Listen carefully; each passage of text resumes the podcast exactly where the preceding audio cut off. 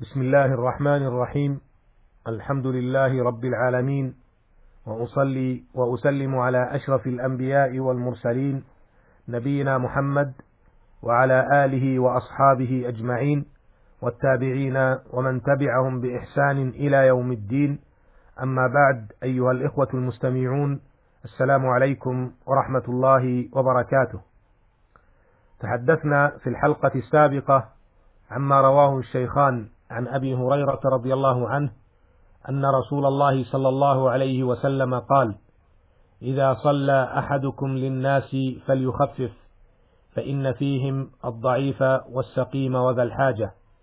وإذا صلى أحدكم لنفسه فليطول ما شاء. وعرفنا ما في هذا الحديث المهم من المسائل والفوائد المتعلقة به.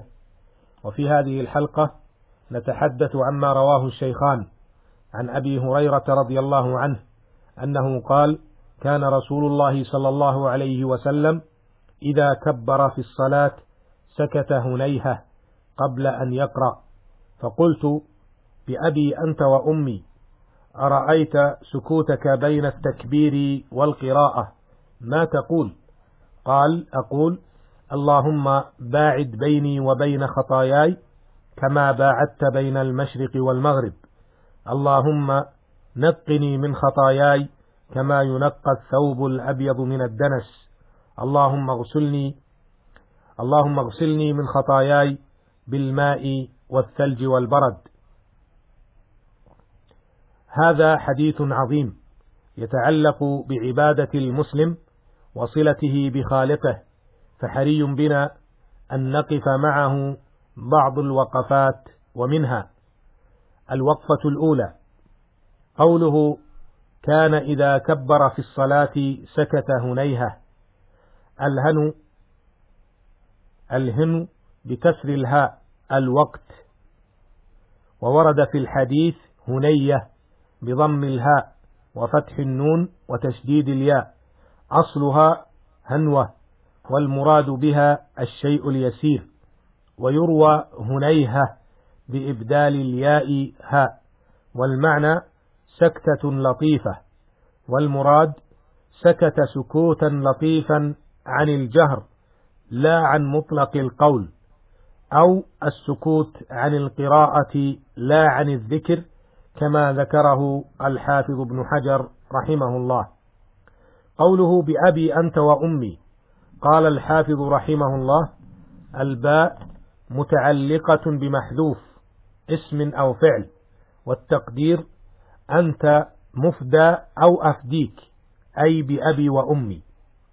وقوله اللهم باعد بيني وبين خطاياي المراد بالمباعدة محو ما حصل منها والعصمة عما سيأتي منها وهو مجاز لأن حقيقة المباعدة إنما هي في الزمان والمكان.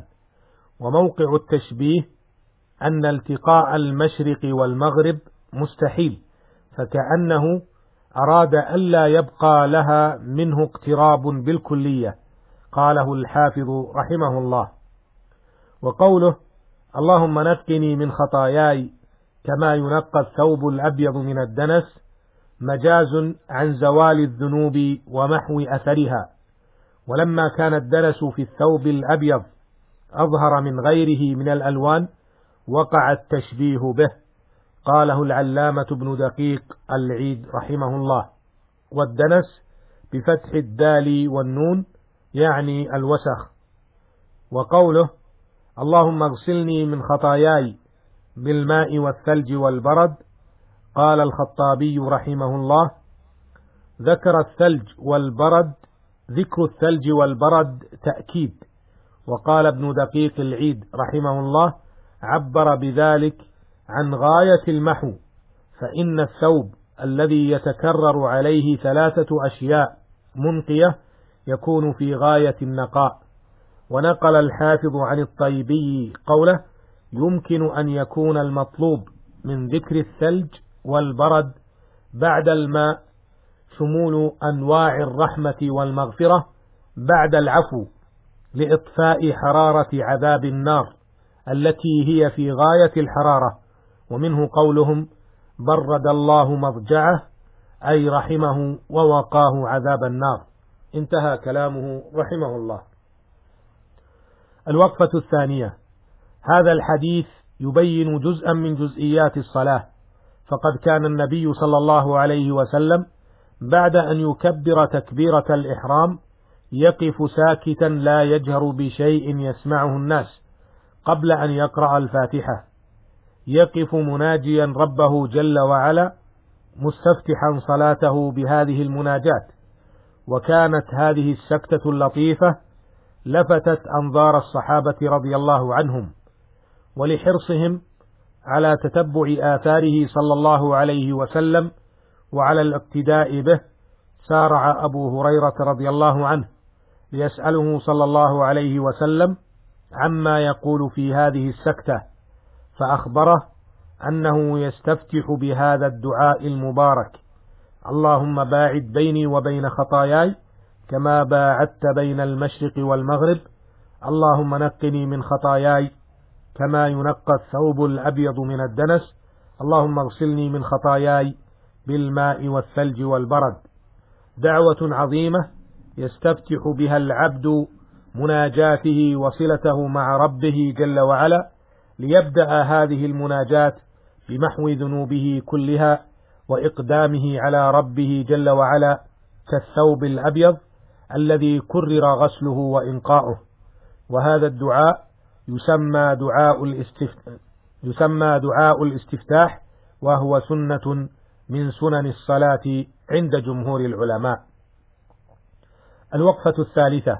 جاء في هذا الحديث أن الرسول صلى الله عليه وسلم يدعو بهذا الدعاء وقد ورد عنه استفتاحات أخرى يجوز الدعاء بها ومنها ما رواه مسلم وغيره عن علي رضي الله عنه أن الرسول صلى الله عليه وسلم كان يقول وجهت وجهي للذي فطر السماوات والأرض حنيفا مسلما وما أنا من المشركين. إن صلاتي ونسكي ومحياي ومماتي لله رب العالمين لا شريك له وبذلك أمرت وأنا أول المسلمين. اللهم أنت الملك لا إله إلا أنت أنت ربي وأنا عبدك. ظلمت نفسي واعترفت بذنبي فاغفر لي ذنوبي جميعها إنه لا يغفر الذنوب إلا أنت. واهدني لأحسن الأخلاق لا يهدي لأحسنها إلا أنت واصرف عني سيء الأخلاق لا يصرف عني سيئها إلا أنت. لبيك وسعديك والخير كله بيديك والشر ليس إليك. أنا بك وإليك تباركت وتعاليت أستغفرك وأتوب إليك. ومنها ما رواه الإمام أحمد وغيره من حديث أبي سعيد الخدري وعائشة رضي الله عنهم أن رسول الله صلى الله عليه وسلم كان يستفتح صلاته بسبحانك اللهم وبحمدك وتبارك اسمك وتعالى جدك ولا إله غيرك. وكان الإمام أحمد رحمه الله يختار هذا الاستفتاح لاشتماله على الدعاء والثناء. ولجهر عمر رضي الله عنه به يعلمه الصحابة إلى غير ذلك من الاستفتاحات التي وردت عنه صلى الله عليه وسلم ومن أراد الاستزادة منها فليرجع إلى كتاب زاد المعاد لابن القيم رحمه الله فقد أوفى البحث حقه. الوقفة الرابعة نظرا لتعدد ما ورد في الاستفتاحات ذكر أهل العلم أنه ينبغي للمصلي ألا يقتصر دائما على واحد منها بل يقولها كلها ليحصل له كمال الاقتداء وإحياء جميع السنة فيها فيقول هذا الدعاء تارة ويقول ذاك أخرى.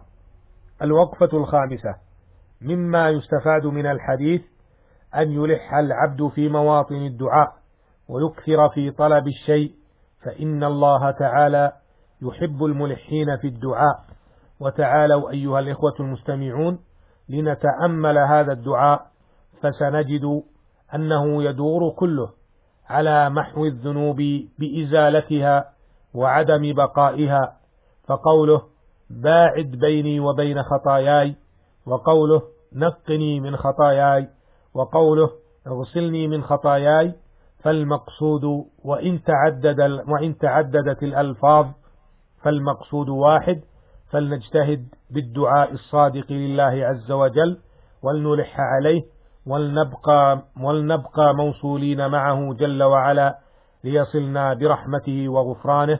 أسأله جل وعلا ذلك إنه سميع مجيب وهو المستعان. وإلى اللقاء في الحلقة القادمة إن شاء الله. والسلام عليكم ورحمة الله وبركاته.